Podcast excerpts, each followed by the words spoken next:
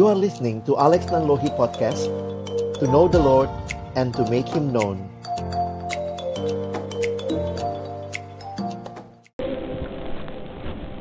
Mari kita berdoa. Bapa di dalam surga kami percaya rancanganmu indah di dalam hidup kami.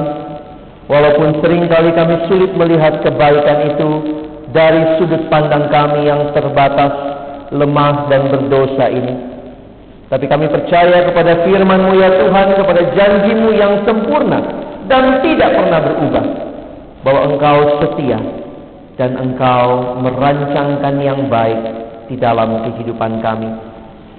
Sore hari ini kembali ketika kami bersama-sama bersekutu memuji-muji nama Tuhan, berdoa kepada Tuhan, kami merindukan kiranya Tuhan sendiri yang boleh menyapa kami melalui kebenaran firman-Mu ya Tuhan. Biarlah ketika kami membuka firman-Mu Tuhan, bukalah juga hati kami, jadikan hati kami seperti tanah yang baik, supaya ketika benih firman Tuhan ditaburkan, itu boleh tumbuh-tumbuh berakar, bertumbuh, dan juga berbuah nyata di dalam kehidupan kami. Berkatilah hambamu yang menyampaikan firman setiap kami yang mendengarkan firman. Tolonglah kami semua Tuhan, agar kami bukan hanya menjadi pendengar-pendengar firman yang setia, tetapi kami dimampukan dengan kuat kuasa pertolongan dari rohmu yang kudus menjadi pelaku firman di dalam kehidupan kami. Bersabdalah ya Tuhan, kami anak-anakmu sedia untuk mendengarkan. Dalam satu nama yang berkuasa, nama Tuhan kami Yesus Kristus, kami menyerahkan jam pemberitaan firman Amin. Silakan duduk saudara. Pada sore hari ini kita bersama-sama akan membaca dan merenungkan firman Tuhan. Pembacaan dan perenungan firman Tuhan akan diambil dari kitab Mazmur nomor 30. Mazmur 30. Kita bersama-sama akan membaca di dalam seluruh ayat, ayat pertama sampai dengan ayat yang ke-13. Mazmur 30 ayat pertama sampai dengan ayat yang ke-13. Mari akan membaca bersama-sama dengan saya. Saudara-saudara, pria akan mulai dengan ayat pertama. Wanita akan membaca ayat yang kedua, kita membaca secara bergantian hingga ayatnya yang ke-13. Setelah saya membacakan judulnya, maka pria akan membaca ayat yang pertama. Nyanyian syukur karena selamat dari bahaya. Mazmur, nyanyian untuk pentahbisan baik suci dari gaib.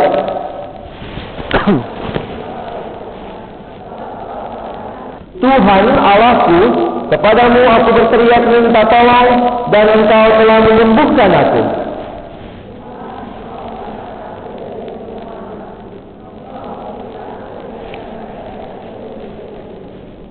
Nyanyikanlah mazmur bagi Tuhan, hai orang-orang yang dikasihinya, dan persembahkanlah syukur kepada namanya yang kudus. Dalam kesenanganku aku berkata, aku tak akan goyah untuk selama-lamanya.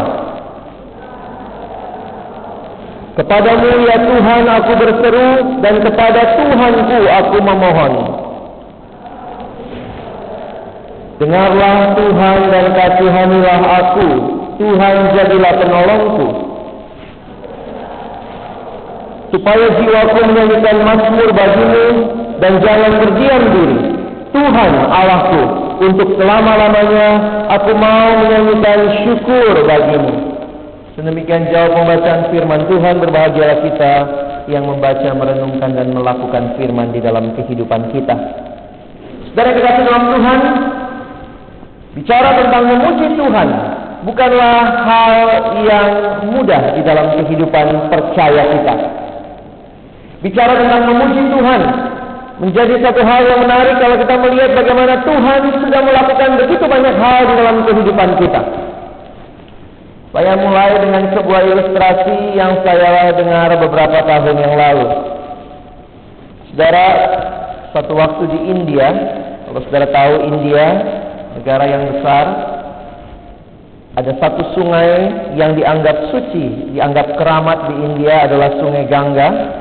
Dan di situlah biasanya orang-orang mempersembahkan korban, termasuk mempersembahkan korban yang adalah anak-anak. Ada kebiasaan orang tua-orang tua tertentu mereka mempersembahkan anak mereka kepada dewa di sungai sebagai persembahan. Dan saudara pada waktu itu ada seorang Kristen yang sedang melintas di sekitar sungai itu dan melihat ada seorang wanita, seorang ibu yang sedang mempersembahkan seorang bayi yang mungil, anak bayi yang begitu manis, begitu elok rupanya, sedang dipersembahkan kepada dewa di sungai itu. Spontan saja kemudian orang Kristen itu berkata, Ibu jangan. Kenapa engkau persembahkan anakmu yang begitu manis ini? Dan saudara tahu apa yang ibu itu katakan? Dia berkata begini, Pak, saya punya dua orang anak. Saya punya anak yang sulung, juga masih balita. Dia ada di rumah, tinggal bersama saya. Tapi sedihnya, dia cacat secara fisik. Dan setelah itu kemudian saya punya anak yang kedua. Dan inilah anak saya yang kedua. Seorang bayi mungil yang lahir dengan sempurna tanpa cacat secara fisik. Beda dengan kakaknya. Dan saat ini saya mau persembahkan anak yang terbaik untuk dewa saya Dewa sudah melakukan begitu banyak kebaikan di dalam hidup saya. Sehingga saya mau mempersembahkan anak saya yang terbaik kepada Dewa. Menjadi persembahan. Dan ketika itu, saya membaca, saya mendengar cerita itu. Dunia punya konsep memberi. Termasuk memberi yang terbaik. Dan bagi orang Kristen, orang-orang yang mengalami kebaikan Tuhan di dalam kehidupan kita, saya pikir bukanlah hal yang aneh ketika kita dikatakan mari memuji Tuhan, mari muliakan Dia, karena terjadi sesuatu yang bukan sekedar hal yang biasa. Allah yang saudara dan saya sembah adalah Allah yang melepaskan kita dari maut,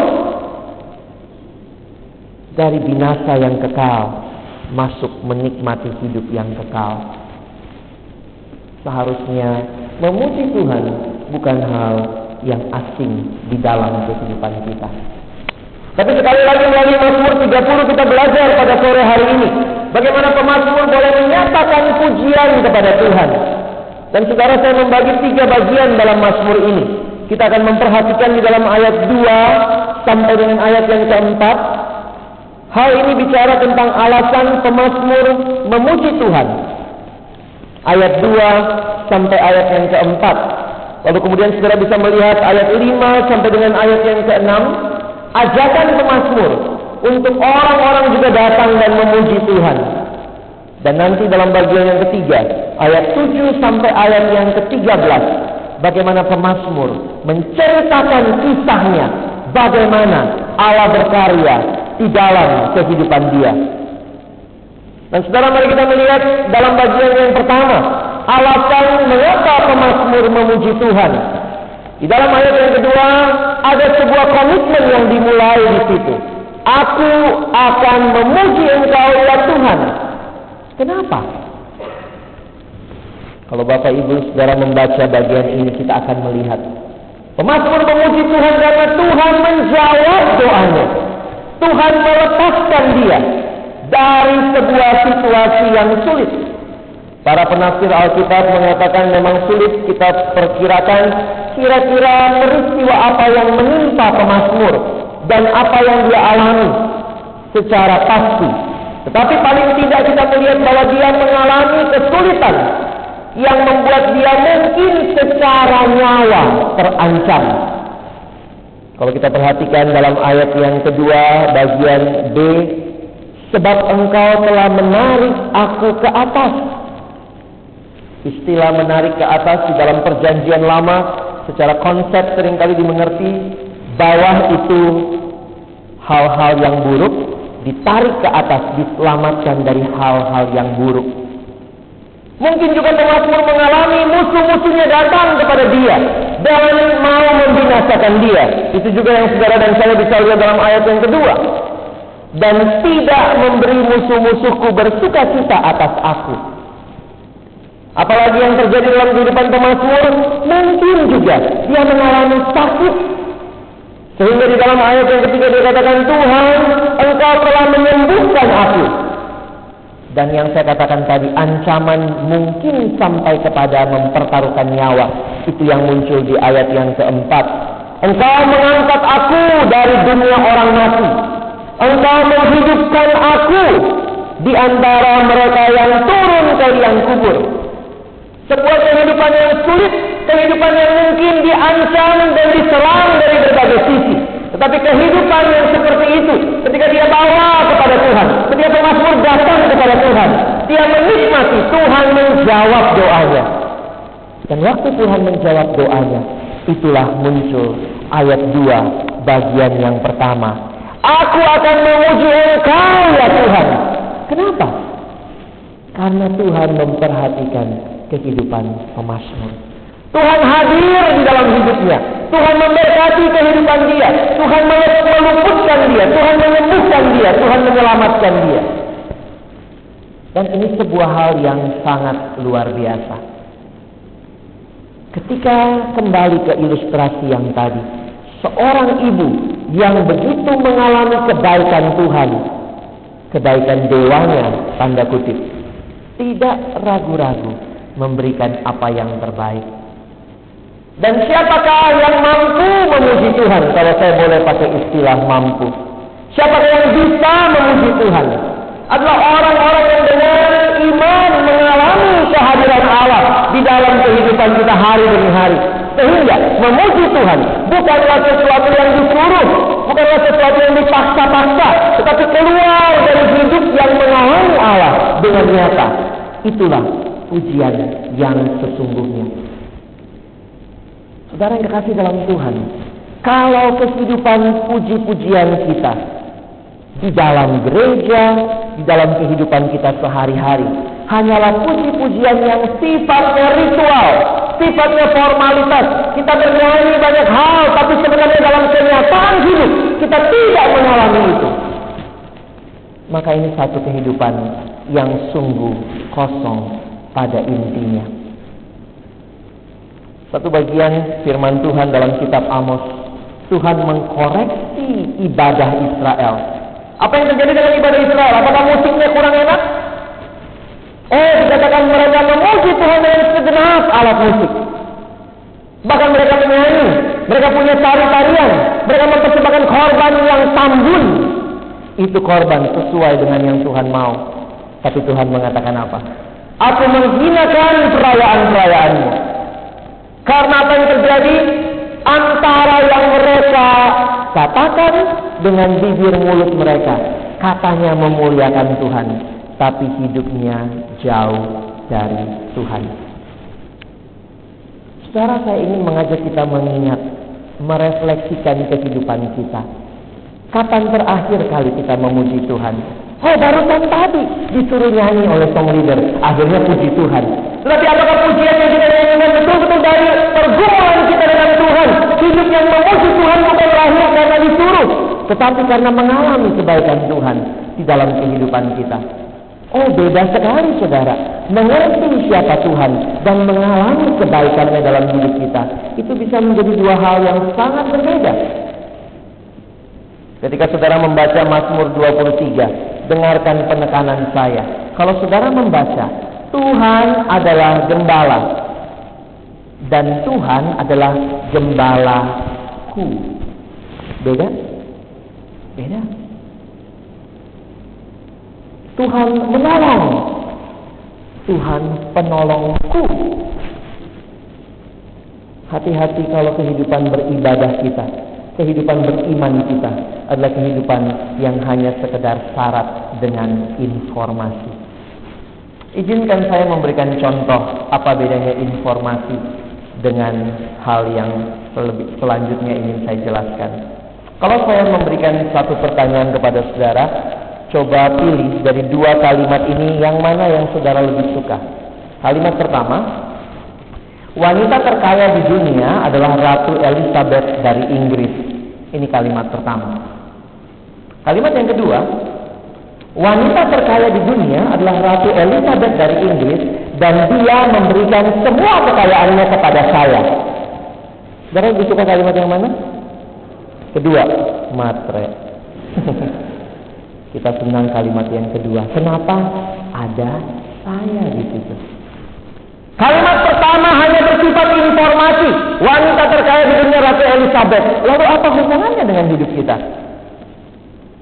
Anak sekarang bilang so what gitu loh. Dia kaya, oke. Okay. Tetapi ketika dikatakan ketika dia kaya dan dia memberikan seluruh kekayaannya kepada saya. Di situ bicara bukan sekedar informasi. Tetapi ada relasi. Dan pertanyaannya buat kita. Apakah kehidupan kita selama ini kehidupan yang berelasi dengan Tuhan atau kehidupan yang sekedar punya banyak informasi tentang Tuhan. Ketika saudara melakukan sebuah bulan yang kita secara khusus mengatakan ini sebagai bulan musik, ibadah dan musik kita ingin memperdalam apa sebenarnya yang kita lakukan hari ke hari ibadah orang Kristen itu saudara menariknya 40% isinya pujian. Sehingga mau tidak mau kita harus meningkatkan kualitas ibadah termasuk dalam hal pujian. Beda dengan agama lain, mereka punya lagu, tapi lagunya nggak dipakai waktu mereka ibadah, tidak masuk dalam liturgi mereka. Tetapi kita berbeda. Waktu dikatakan mari kita memuliakan Tuhan, apa yang dilakukan? Mari kita nyanyi. Mari kita mengaku dosa. Apa yang dilakukan? Selain berdoa, selain kita boleh menyatakan ayat pengakuan dosa, kita pun menyanyi. Ini menunjukkan pujian adalah bagian yang tidak terpisahkan dari ibadah kita. Tapi yang menjadi pertanyaan, apakah pujian yang kita lakukan keluar dari sebuah relasi atau sekedar informasi. Mengapa pemazmur bisa begitu rupa memuji Tuhan? Aku akan memuji engkau. Karena hidupnya, hidup yang berjalan bersama Tuhan, hidup yang mengalami Tuhan, dan hidup yang seperti itu tidak disuruh memuji Tuhan pun, tidak dipaksa, tidak didesak-desak, akan memuji Tuhan karena mengalami dengan nyata kebaikan Tuhan. Kalau hidup saudara mengalami relasi dengan Tuhan, maka waktu saudara datang ke gereja, kita menyanyikan pujian demi pujian, kita menyatakan Tuhan apa yang saya nyanyikan. Itu bukan sekedar sesuatu yang terpisah dari hidup saya. Semua baik, semua baik, apa yang kau perbuat di dalam hidupku. Betulkah baik? Itu informasi, oh saya tahu Tuhan saya baik. Tapi apakah saudara alami ini dengan nyata dalam kehidupan kita? Pemasmur mengalami. Memang mungkin waktunya beda dengan waktu kita. Pemasmur disembuhkan. Tuhan jawab doanya. Pemasmur dilepaskan dari dunia orang mati. Tuhan menjawab doanya. Sehingga muncul komitmen. Aku akan memuji engkau ya Tuhan. Kadang orang Kristen jadi takut juga saudara ya kalau kita ke gereja banyak lagu yang kita nyanyikan cuma karena hafal. Banyak lagu yang kita nyanyikan cuma karena disuruh oleh MC, oleh song leader. Nyanyi, ya nyanyi begitu ya. Kalau nggak nyanyi dibilang kurang rohani nanti.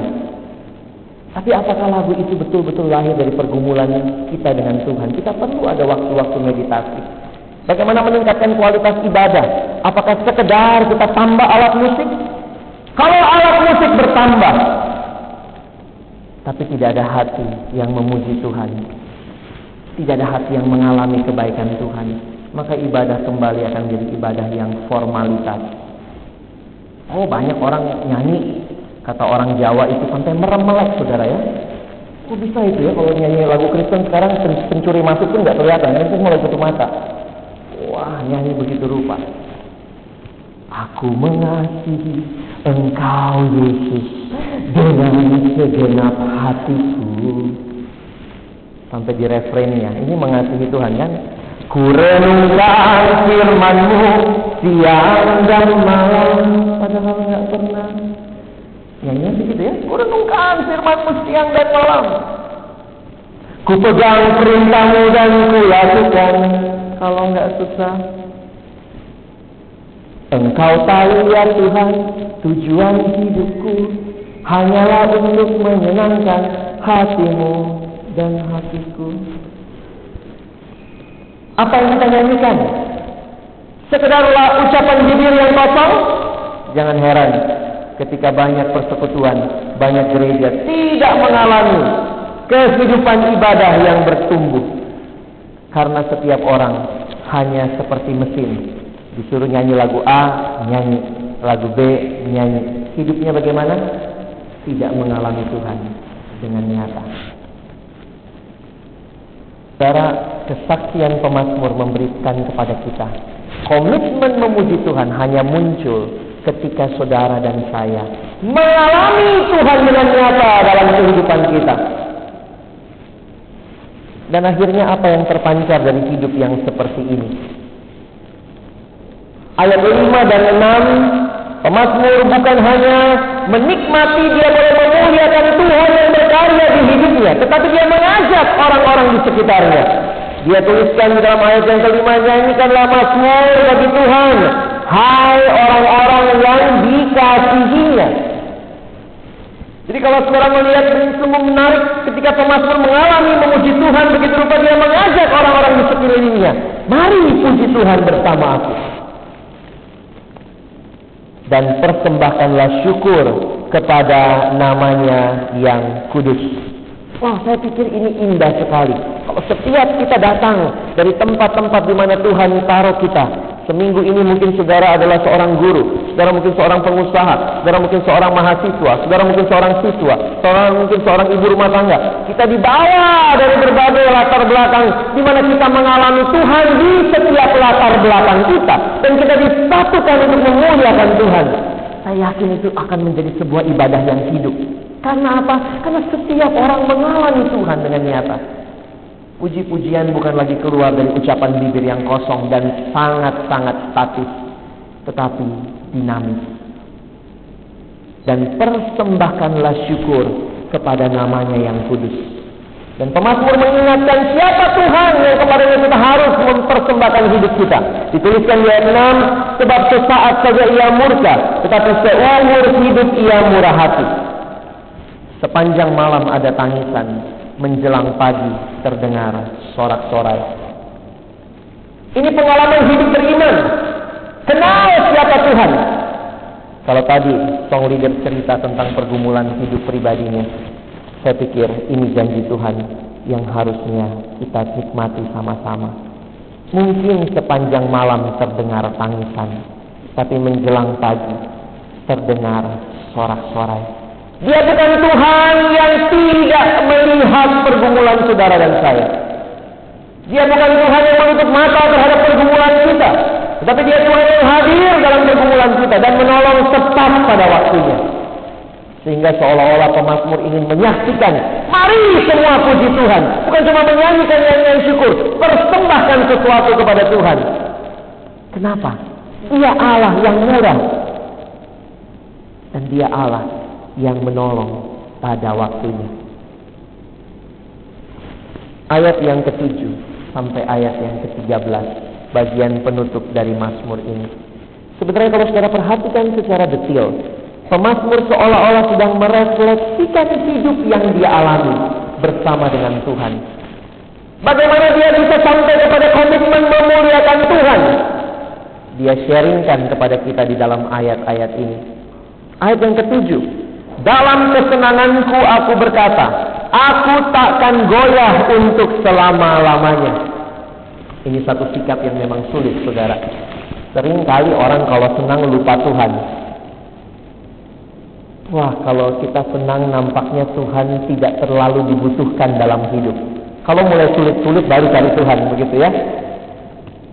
Tuhan jadi jalan terakhir dalam kehidupan kita. Tetapi perhatikan, apa yang disadari pemazmur ayat 8. Tuhan, oleh karena engkau berkenan, engkau telah menempatkan aku di atas gunung yang kokoh. Jadi kalau aku tidak akan goyah selama-lamanya, bukan karena aku mampu ya Tuhan, tapi karena engkau yang telah menempatkan aku di atas gunung yang kokoh. Dan kesadaran seperti ini yang saya pikirkan di dalam kehidupan perlu kita terus bangun Bukan saya yang mampu memperoleh sesuatu, tetapi Tuhan yang mengaruniakan. Hingga pemazmur bisa berkata ketika engkau menyembunyikan wajahmu, aku terkejut. Dalam bahasa yang lebih sederhana, nampaknya pemazmur awalnya melihat, saya bisa. Tapi waktu dia melihat lagi, hidup bukan sekedar melihat ke kiri, ke kanan, saudara. Ada yang mengatakan, hidup juga adalah melihat ke atas. Lihat kepada Tuhan. Bergantung kepada Tuhan yang alami dia dengan nyata dalam kehidupan kita dan kita tahu siapa kita. Orang yang bisa bersyukur sebenarnya adalah orang yang menyadari betapa terbatasnya hidupnya dan betapa tidak terbatasnya Allah. Dan orang yang sering kali sulit bersyukur atau tidak mau bersyukur mungkin sekali karena dia merasakan saya bisa, saya tidak butuh Tuhan. Pemasmur sadar, hidupku bukan karena aku mampu, tapi karena Tuhan yang memampukan. Apa yang paling penting saudara dalam hidup? Dua kebaktian tadi pagi saya tanya, kalau saudara dikasih kesempatan hidup, mau hidup sampai umur berapa? Saudara mau hidup sampai umur berapa? 70? 80? Sore ini lebih banyak kaum muda yang hadir. 90? Atau cukup 20? Wah, udah banyak yang lewat begitu ya. Apa yang paling penting dalam hidup? Ada kalimat yang mengatakan, yang paling penting dalam hidup bukanlah mencapai apa, tetapi bersama dengan siapa. Banyak orang dalam hidup mencapai hal-hal yang baik, yang besar, yang kelihatannya megah. Tetapi kalau hidupnya tidak ada Kristus di dalamnya, untuk apa hidup 90 tahun, 100 tahun? Kalau pakai istilah puisi, pengen hidup 1000 tahun lagi. Tapi buat apa hidup 1000 tahun? Kalau terus menerus bikin dosa. Tapi kalau hidup cuma 20 tahun, 30 tahun, 40 tahun, kalau mati meninggal di usia begitu sering kali orang lebih simpati ya. Kasihan ya. Tapi kalau hidup ada Kristus, itu hidup yang berharga. Bukan masalah berapa panjang, tetapi bersama siapa saudara lewati hidup ini. Pemasmur sadar, hidup bersama dengan Tuhan. Tuhan Yesus umurnya tidak panjang, saudara. Berapa? Cuma 33 tahun kurang lebih. Tapi hidup 33 tahun yang dipersembahkan kepada Bapa menjadi hidup yang bermakna bagi banyak orang. Sehingga waktu saya merenungkan bagian ini saya menyadari, yes, terima kasih Tuhan. Hidupku bukan tentang aku. It's not about me. My life is about Him. This is not my story, but my life is His story. Apa itu sejarah? Orang Inggris mengatakan history. Apa itu history? Not our story, but His story. Hidup ini, sejarah itu adalah cerita tentang Allah yang berkarya di dalam hidup kita. Pemasmur menyadari itu, saudara. Sehingga dia bisa memuliakan Tuhan. Saya tidak tahu pergumulan apakah yang membuat pemasmur akhirnya sadar bahwa betapa terbatasnya semua hal-hal yang sementara. Ada orang sibuk kumpulin duit. Kenapa? Karena merasa duitlah, uanglah yang menjadi tujuan hidupnya. Kumpul uang, kumpul uang, kumpul uang, beli rumah. Satu nggak cukup, kumpul uang, kumpul uang, beli rumah lagi. Kadang-kadang saya pikir, siapa yang menikmati ya? Oh, yang menikmati siapa? Pembantu. Pembantu di rumah duduk, nonton TV. Tuannya mana? Lagi cari uang. Waktu tuannya tidak punya uang, banyak. Beli rumah lagi. Siapa yang tinggal? Pembantu lagi lagi nonton TV, sinetron gitu ya. Tuannya mana? Lagi cari uang. Ini contoh ekstrim. Bukan berarti saudara dan saya tidak butuh uang. Tapi kalau uang yang kita rasakan sebagai hal yang memelihara hidup, alangkah sedihnya hidup kita. Bukan orang yang memelihara hidup, Tuhan yang memelihara hidup. Dan Tuhan mengaruniakan uang untuk saudara dan saya pakai dengan bijaksana. Hingga pemazmur menyadari, dalam kesenangan aku pikir aku tidak akan goyah. Oh, aku senang, aku kokoh. Tapi saya menarik melihat bahwa dia menyadari ayat 8 tadi, Tuhan karena engkau berkenan saya bisa seperti ini. Dan kalau saudara perhatikan di dalam ayat 9 dan ayat yang ke-10, di sini pemazmur melanjutkan ceritanya. Kepadamu Tuhan aku berseru dan kepada Tuhanku aku memohon. Apa yang pemazmur mohon? Dia tahu Allahnya adalah Allah yang mampu menyelamatkan dia. Sehingga permohonannya Tuhan lepaskanlah aku. Atau kalau saudara boleh melihat kalimat-kalimat dalam ayat 9 dan 10, Saudara bisa melihat secara positif artinya kalimat ini Tuhan jangan biarkan aku mati. Jangan biarkan aku sengsara. Kalimatnya apa? Apakah untungnya kalau darahku tertumpah? Kalau aku turun ke lubang kubur, dapatkah debu bersyukur kepadamu dan memberitakan kesetiaanmu? Pemasmur seolah-olah berkata kepada Tuhan, Tuhan dengarkan seruanku, biarkan aku tetap hidup, supaya waktu aku hidup aku memberitakan kasihmu. Waktu aku hidup aku memuliakan engkau.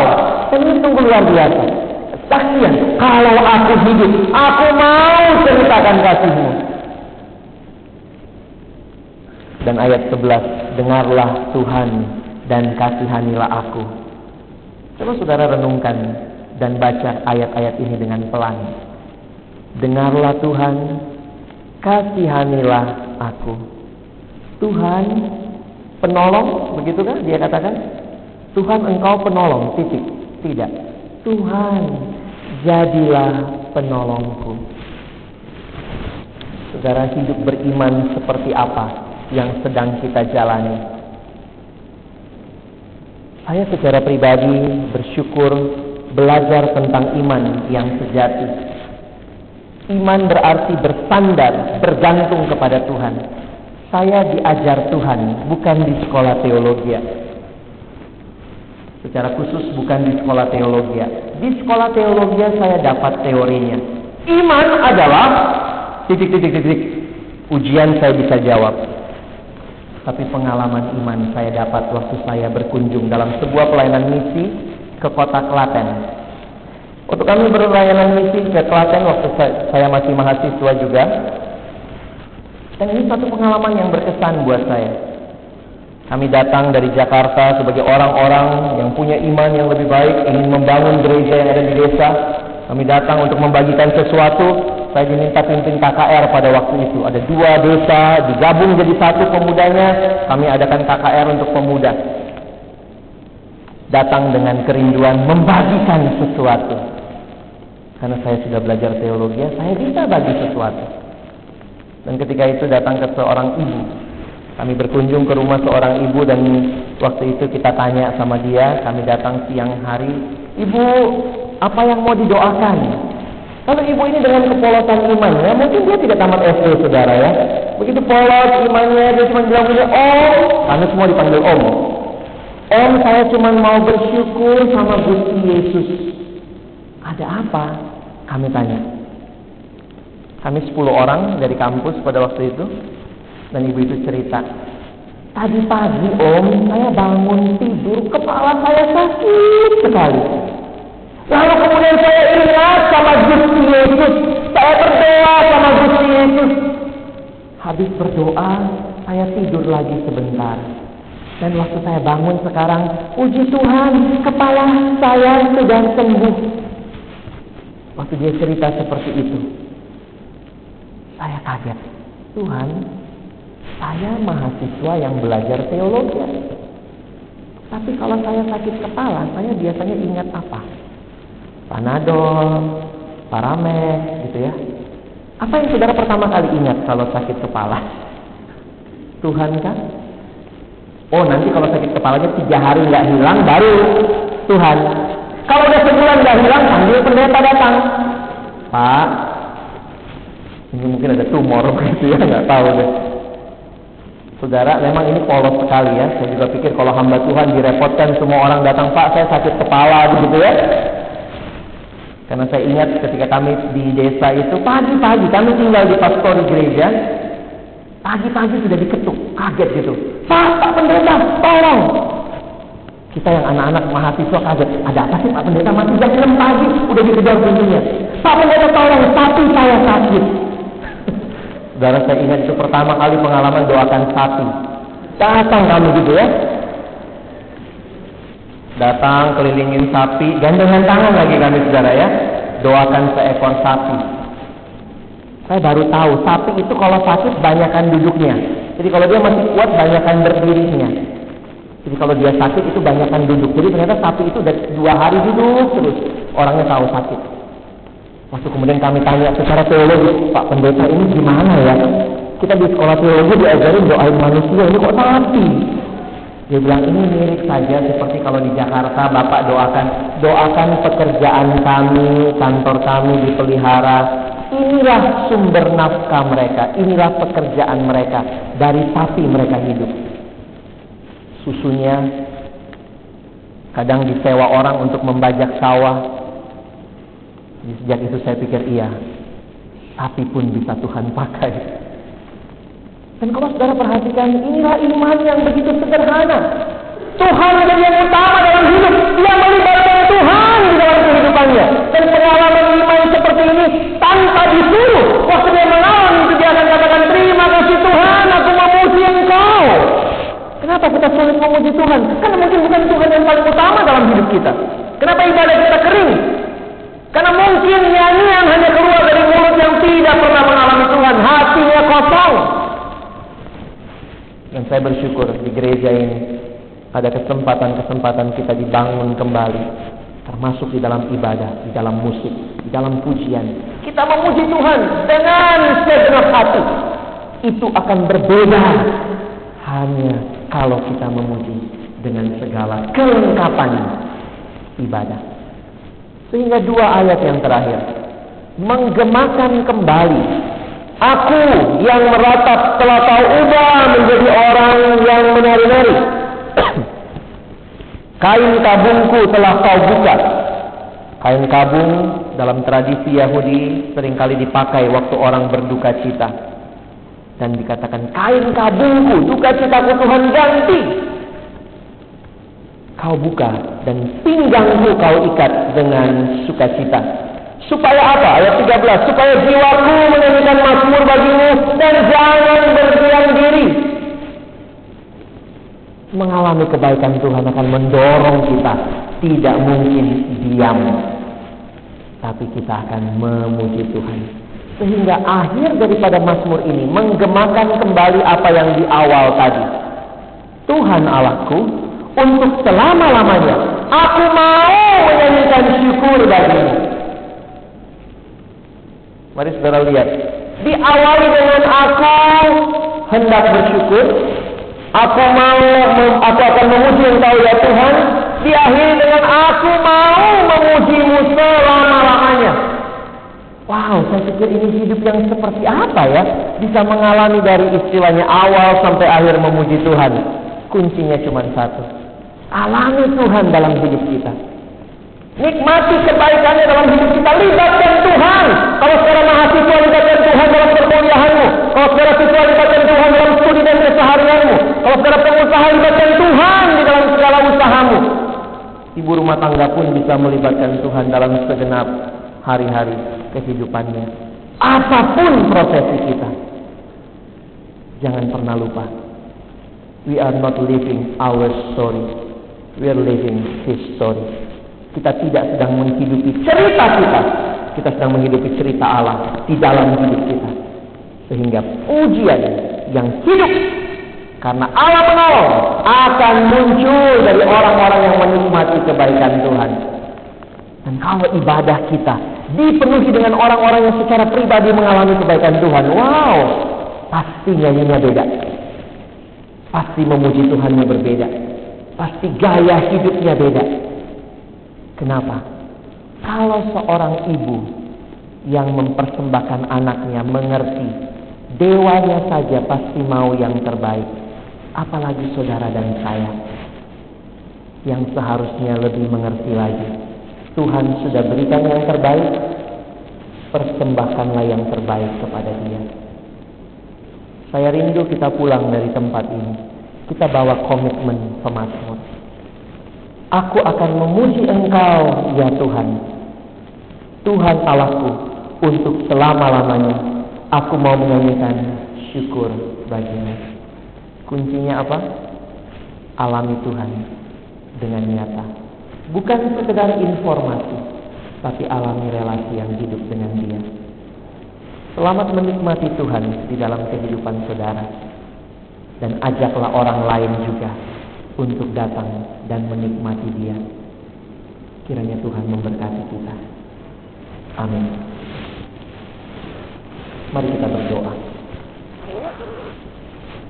Kami bersyukur kepada Tuhan untuk kebenaran firman-Mu yang boleh menyegarkan hati kami.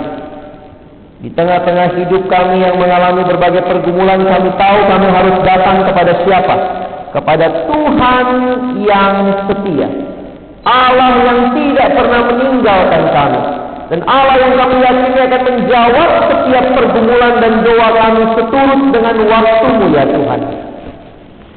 Dan kalau kami sungguh-sungguh mengalami hidup yang seperti ini, kami merindukan ada komitmen untuk memuji Tuhan di segala waktu. Bukan pujian karena disuruh, bukan pujian karena kami suka bernyanyi semata-mata. Bukan pujian karena kami bisa main musik dengan bagus. Tapi pujian yang lebih daripada itu. Karena kami mengalami kehadiran Tuhan yang meneguhkan kami, menjawab doa kami, memberikan kekuatan di dalam kehidupan kami. Kalau sore hari ini ya Tuhan, di tengah-tengah kami ada saudara-saudara yang datang dengan berbagai pergumulan, berbagai hal yang mungkin selama ini begitu membebani kehidupan dan pemikiran mereka. Hambamu berdoa, Tuhan, kiranya Engkau meluputkan dari segenap hal-hal yang memberatkan itu. Bagi saudara-saudara yang mengalami sakit penyakit Tuhan, memulihkan seturut dengan kehendakmu. Dan ajar kami menantikan jawaban-jawaban doa, bukan di waktu kami ya Tuhan, tetapi di waktu yang Tuhan mau. Kami sungguh bersyukur karena hidup kami boleh menikmati relasi dengan Tuhan. Ini ucapan syukur kami, ini pujian kami. Terimalah ya Tuhan dari hati kami yang terdalam. Kami mau mempersembahkan yang terbaik karena Tuhan yang telah terlebih dahulu memberikan yang terbaik yaitu anakmu sendiri sebagai Tuhan dan Juru Selamat kami. Dan di dalam namanya yang kudus, nama Tuhan Yesus Kristus, kami berdoa dan kami bersyukur. Amin.